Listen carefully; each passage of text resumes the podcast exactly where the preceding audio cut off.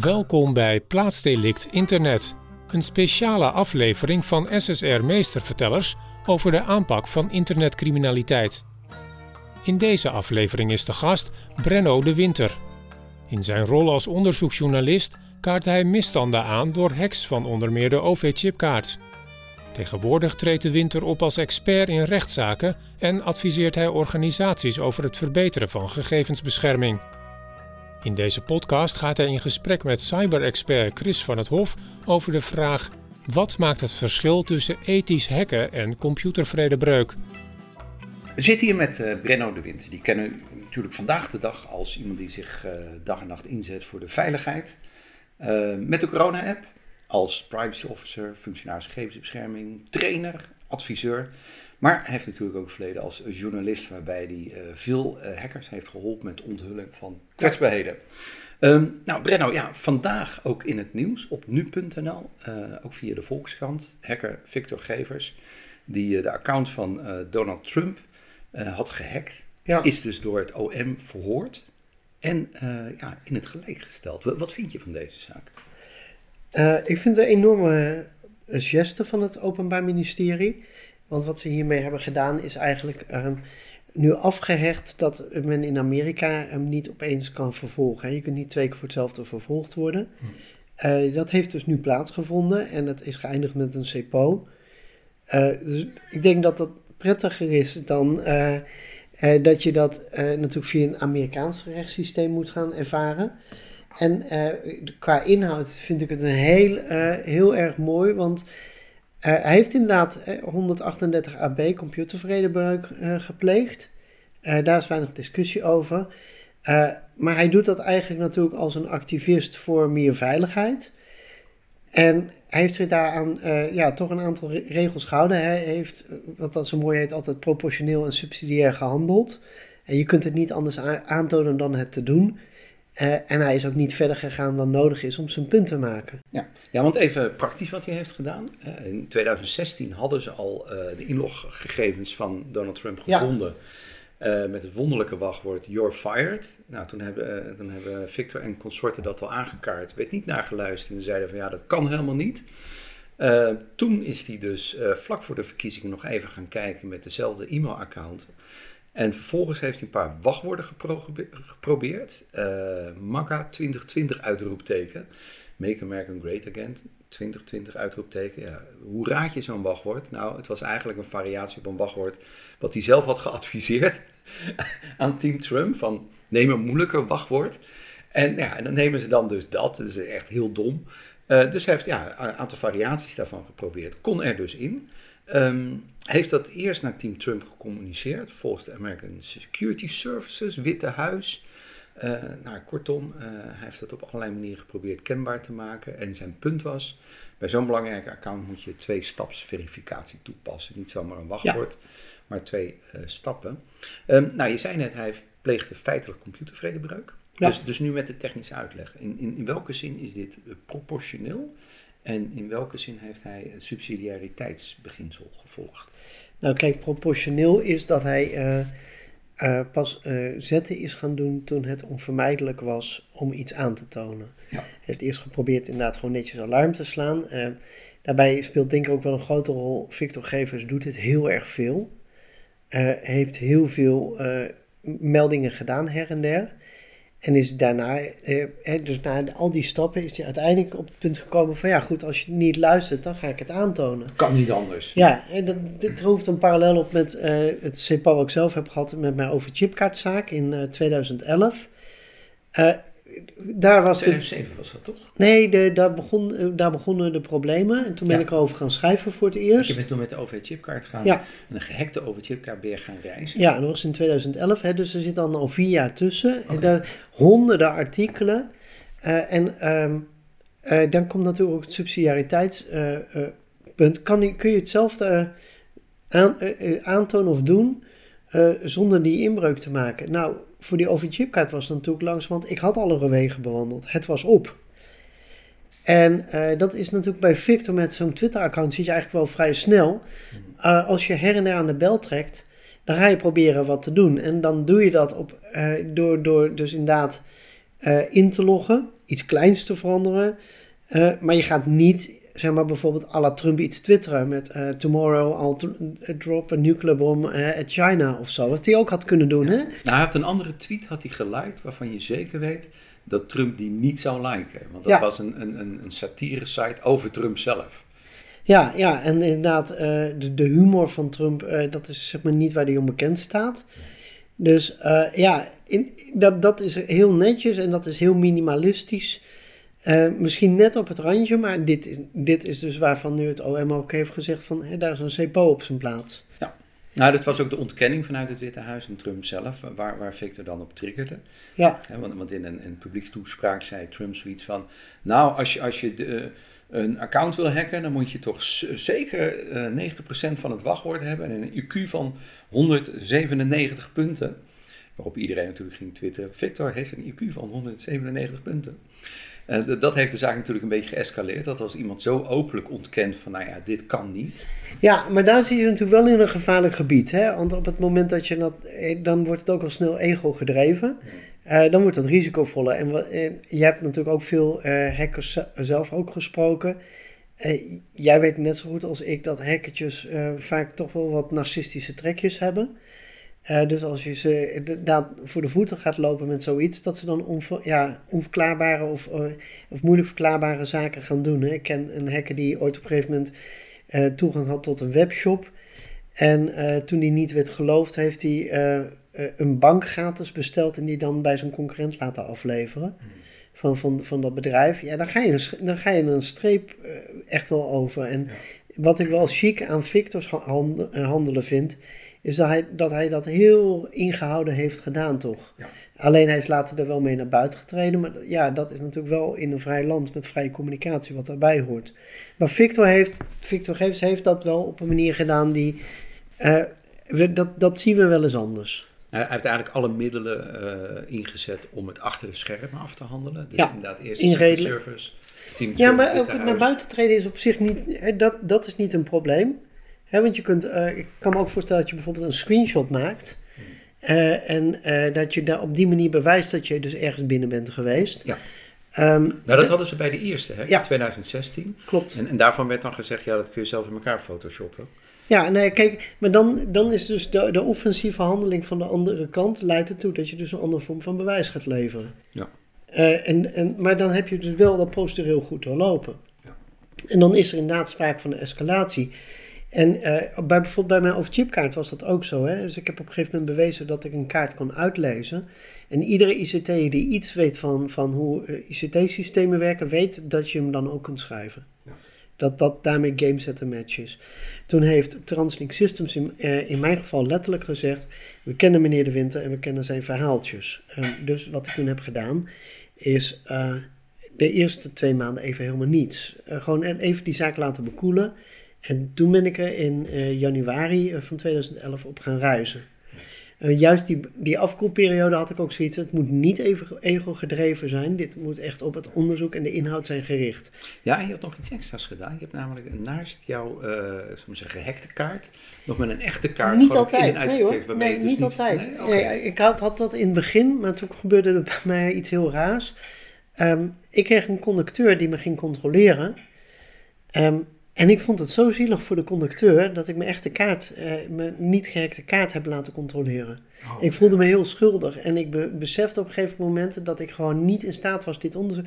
Ik moet, moet je voorstellen, ik had nog nooit in mijn leven zwart gereisd. Ik had nog nooit iets met de politie te maken gehad, anders dan dat ik ze belde als er weer eh, een aanrijding voor onze deur was eh, waar ik woonde.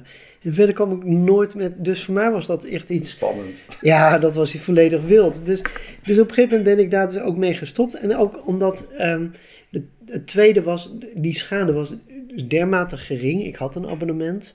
Hè, dus um, dat, dat het hier ook ging om een ander debat. Ja, je en ik heb... aan dat je, dat je het niet doet uit het motief van fraude. Hè? Nee. Want dat is eigenlijk het eerste punt nou bij ethisch. Je doet het uit maatschappelijk belang. nog, ik heb zelfs uiteindelijk gezorgd, juist door op een gegeven moment het zo obvious te maken, dat men het wel moest ontdekken. Dus ik heb op een gegeven moment een, een, een, eh, ochtend op Schiphol gezeten. Juist Schiphol, want veel camera's, dus goed detecteerbaar. Ehm, waarbij ik mezelf kon inchecken in Maastricht en dan een minuut later uh, uitcheckte op Schiphol. En dan ging elke keer eerste klas iets voor 45 euro of zo. Als je dat een ochtend lang doet, gaat het om een paar honderd euro. Dat moet jij in je administratie op een gegeven moment als een verschil gaan zien. En twee dagen later werd mijn kaart ook geblokkeerd. En toen kon ik mijn volgende stap doen, want ik moest een geblokkeerde kaart hebben voor het artikel uitkwam.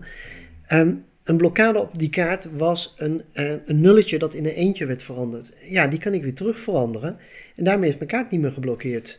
En dat stapje moest ik gewoon zetten om mijn onderzoek rond te krijgen. Dus ja, dan ga je dus. De, als je dat in dat licht ziet dat het al om honderden euro's gaat. Dan is dat kaartje ernaast nog eens een keer dat, dat houden, dat, dat is zo irrelevant geworden. Daar was ook het OM het later ook mee uh, eens. Het enige wat ze aan kritiek nog hadden, was van dat ik uh, explicieter had moeten opschrijven, vonden ze dat het strafbaar was wat ik deed. Dat niet iedereen dat gaat doen. Ja, ja.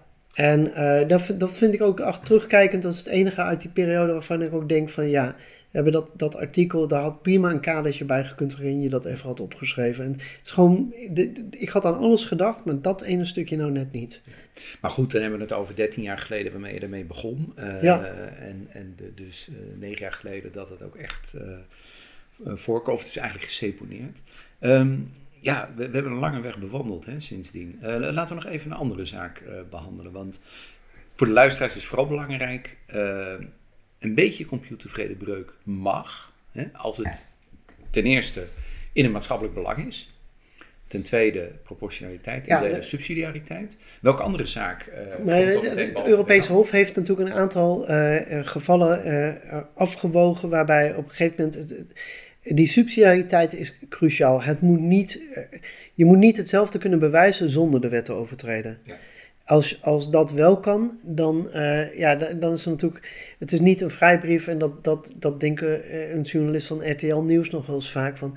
Dat je een soort vrijbrief hebt om uh, maar te doen, want je bent journalist. Nee, je moet daar ook een echt afwegingsproces in maken. Ik had dat ook destijds zelf heel goed gedocumenteerd, dus dat was ook heel geestig. De politie zei dus, ja, je hebt deze reizen gemaakt. En ik zeg, dus ik zei letterlijk van, nou, ik zie dat u een incomplete administratie hebt. Zal ik hem voor u compleet maken? Want dat, de, de vraag is niet, heb ik het gedaan? Maar mag ik dit op basis van artikel 10 EVRM, hè, de vrije meningsuiting, um, en, of het vrijheid van expressie. En, de vrijheid van nieuwsgaring ook, toch? Speelt daar ook in mee? Of niet? Ja, er staat, er staat letterlijk, en ieder heeft het recht op vrije nieuwsgaring zonder inmenging van enig openbaar gezag. En dat, dat laatste is dus ook het, gelijk het ingewikkelde bij dit soort zaken.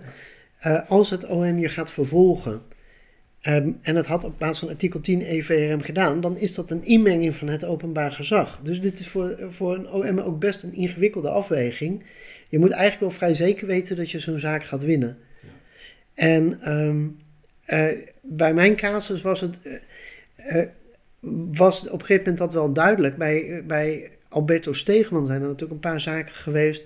waarbij hij toch wat meer de lijn had opgezocht. Die was toen Schiphol binnengeslopen, geloof ik, met een vals pasje of zo. Met, ja, en uh, nou ja, dat wordt, volgens mij is hij nu richting het Hof gegaan. Dus daar moet nog natuurlijk een finale klap aan worden gegeven. Die zaak loopt nog? Ja, volgens mij loopt die zaak nog. Um, want ik weet eerlijk gezegd niet hoe je dat anders had moeten aantonen. Maar um, ik weet, ik, het lastige is bij die zaak van Stegeman. Uh, ik heb wel eens betrokkenen bij die zaak gesproken. En die zeggen van ja, zit hier nog wel, hij heeft wel meer gedaan dan dit hij in beeld heeft gebracht. En dat is natuurlijk wel heel problematisch als je natuurlijk niet. Kijk, als je de wet overtreedt met een hoger doel, en dan moet je dus ook openheid geven. En, en, en iedereen die iets van strafrecht weet, dat praten bij de politie eigenlijk niet heel erg gunstig is uh, voor jezelf. En het bizarre is natuurlijk dat als de kern van je debat niet is: ik heb het niet gedaan, maar ik had er een reden voor uh, dan moet je ook alle openheid van zaken geven. En dat, dat is natuurlijk waar een journalist eh, vaak zelf niet heel erg goed in is. Uh, het is prima om een ander natuurlijk aan te wijzen en zeggen dat jij dit en dit niet goed doet. Maar je eigen handelen heel goed verklaren en, en niet in algemeenheden vervallen, dat vinden heel veel journalisten best ingewikkeld. Ik moet zeggen, ik vond dat zelf vroeger ook wel eens uh, ingewikkeld van waar bemoei je mee, wie controleert nou wie. Maar ja, dat is natuurlijk een stelsel waar iedereen iedereen controleert. Ja. Nou, laten we dan even een andere journalist erbij halen. Henk Krol. Tenminste, destijds was hij nog eh, journalist bij de G-krant. Hij, uh, in 2012 12, als ik het goed heb, heeft bij Diagnostiek voor U kunnen inloggen op het zogenaamde Cyber Lab met vijf getalletjes. Ja, een diagnostisch lab inderdaad. in, in de regio Eindhoven-Den Bosch. En hij kon inloggen met het account van een, uh, ik geloof, uh, een psychiater. Ja, GGZ-psychiater. Die, die, had die vijf getalletjes laten rondslingeren. Een bekende van Krol, die had die vijf getalletjes onderschept. Ja, het was en aan Henk gegeven en dan moet je nou zien. Ja. Hij ging daarin, uh, heeft een aantal dossiers bekeken. Vervolgens heeft hij diagnostiek voor u gebeld zegt hij. Zegt hij. Want dat hebben, ik heb die zaak toen heel intensief gevolgd. En diagnostiek voor u was daar altijd heel erg stellig in. Um, dus dat ja, ze niet gebeld zijn? Ja, dat ze niet gebeld zijn. Okay. Uh, ik weet niet wie de waarheid spreekt. Alleen, uh, ja, dat is, dat is wat hij dus riep. Hij heeft, ze dus, hij heeft ze in ieder geval niet voldoende gelegenheid gegeven om, om dit op te lossen. Maar de, ik, ik denk de grootste fout die hij heeft gemaakt is dat op een gegeven moment diagnostiek voor u hem heeft gecontact. Maar hoe heb je dit dan gedaan? En toen heeft hij letterlijk tegen die directrice gezegd: Ik praat alleen met de politie. Ja, daar hebben we een procedure voor, die heet aangifte. Dan, dan eh, roep je dat wel over jezelf af. En toen bleek hij ook meerdere keren te hebben ingelogd. Ik geloof zelfs tien keer. En ehm, wat wel echt wel mooi was bij de uitspraak. Uh, de rechtbank kwam dus tot een veroordeling. En er werd gezegd dat Krol één keer heeft ingelogd, dat is prima. Bij de tweede keer, en toen ging, zag je de rechter echt met zijn, zijn hoofd zo gaan schudden van, nou ja, oké. Maar de derde tot tiende keer, daar is eigenlijk geen, geen aanleiding voor. En dat is natuurlijk ook zo, want de subsidiaire methode was geweest. Je doet het één keer, maakt een filmpje dat je dat hebt gedaan. En dat is je bewijs. En dan kun je ook zelf dat, dat materiaal aanleveren aan uh, andere journalisten, zoals bijvoorbeeld bij Omroep Brabant. Want wat je dus nu zag, is dat Henk Krol het deed. Dus hij logde weer een keer in. Toen ging hij een dossier bekijken en die namen zijn leesbaar in beeld gebracht. En eh, ook juist als je op een gegeven moment zo'n handeling doet, moet je, dat op een, moet je daar wel gaan zoeken naar wat is nu wel en niet verantwoord. En dat blurren, ehm, dat had aan het maatschappelijk debat niks afgedaan. Weet je, want als iemand bijvoorbeeld HIV-positief blijkt uit, uit een bloedsuitslag, dan is dat simpele gegeven het nieuwsfeit, niet de naam van de persoon. En uh, dat, dat was echt ook wel waar hij flink over de scheef is gegaan. Ik heb zelf in 2012 met een eigen gefabriceerd, of met hulp van Duitsers gefabriceerd identiteitsbewijs ben ik overal binnengekomen. Maar al die beveiligers doen aan het maatschappelijk debat niet aan of af. Die kun je prima blurren. Ja. En alleen in de, of voor de momenten waar ze dus iets zeggen wat echt relevant is voor de journalistieke. Bijvoorbeeld waar je het aantoont dat bijvoorbeeld een beveiliger voelt dat er iets helemaal mis is, maar niet ingrijpt. Uh, daar had ik twee voorbeelden van in die filmpjes. Heb ik de audio, waardoor die, ja, de collega's wisten prima over wie het ging. Um, en, maar daar was dan een journalistieke reden voor. En wat Krol niet had gedaan, is al dat soort overwegingen. Dus ja, weet je, als je de wet gaat overtreden, um, het, Hof, het Europees Hof is daar heel duidelijk over dat je dat, uh, dat je dat heel gestructureerd moet doen en dat je een aantal checks moet aflopen. En die jurisprudentie is die niet nagelopen, ja, dan maak je jezelf wel heel kwetsbaar. Maar nog even het duidelijk onderscheid tussen subsidiariteit en proportionaliteit. Ja. bij Krol was het dus Ehm, het meteen naar buiten brengen. Dat was niet subsidiair, om zo maar te zeggen. Maar dat die meerdere keren inlogde, dat is niet proportioneel, toch? Of, of, of hoe, hoe nou ja, kijk, subsidiair, um, kijk, dat inloggen, dat moet je doen omdat je daarmee ook aantoont dat er niet een andere factor is. Hè? Zodat de andere kant niet opeens kan zeggen van, ja, maar dan had je nog een sms'je moeten hebben, dus het had niet gewerkt. Ja, het bewijs. ja. Um, ik heb zelf namelijk ooit één keer een verhaal gehad van, van een grote loterijorganisatie. Laat het verder niet nader inkleuren. Um, en je kon hun hele database uh, in. Maar ik ben gestopt bij het vaststellen dat dat mogelijk was. En toen werd gewoon ontkend dat de data in die database zat. Oh en daar had ik dus die ene stap toch extra moeten zetten, terugkijkend. Uh, en dan kijk ik dus, dat verhaal is nooit rondgekomen, omdat dat dan wel eens niet eens gaat worden. En had ik één screenshot gemaakt en die data verder geblurred, of een filmpje gemaakt en die data geblurred, dan was het einde discussie geweest. Dus dan mag je misschien zelfs wel iets verder gaan. En dan is dat nog wel proportioneel. Maar wat Krol natuurlijk deed, eh, en dan ook nog zoeken naar een dossier van je ex. Er komt binnenkort ook weer een brief van het Openbaar Ministerie over hoe je bij ethische hacks die criteria moet toepassen. Uh, denk je dat we als Nederland, ja, dat dat goed uitgekristalliseerd is? Of zal dat gewoon een continue strijd blijven? Wanneer is een hack wel in maatschappelijk belang? Wanneer is het proportioneel? Wanneer heb je aan de subsidiariteitswijze Nee, ik vind of, dat of is het nu helder? De grote lijn is helder. Ik vind, en er wordt, eh, vooral juristen houden daar niet van, die open normen. Hmm. En wat ik nou zo enorm mooi vind aan uh, Nederland en eigenlijk Europa, is juist die open normen. Ook bij de AVG uh, dat we nou, nou niet ons vastpinnen op uh, de technologische stand van vandaag, maar dat we elke keer een hele bewuste afweging moeten maken. En als je bang bent dat je te ver gaat, dan moet je misschien maar je wat eerder inhouden. Um, maar juist dat en niet de, de Anglo-Saxische stel van dit mag wel en dit mag niet en, nou, en dat maar proberen dicht te stimmeren.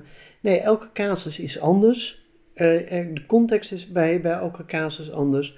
En dan is het ook gezond dat je ook gedwongen wordt om na te denken. Dus als je een stap verder wil zetten, uh, dat kan. En daar hebben we heel veel mooie jurisprudentie voor.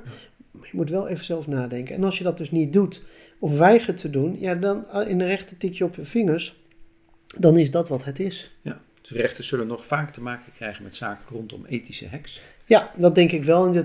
En wat je ook ziet, en dat zag je al in de tijd dat ik nog journalist was is dat ik ook best wel vaak werd benaderd dat als een hackertje was gepakt, om er dan nog even een schoen aan te geven. Om, dat het verantwoord was. Ja, precies. En, ja. Uh, uh, en echt tot verzoeken aan toe van wil jij eventjes verklaren dat ik uh, het al bij jou gemeld had.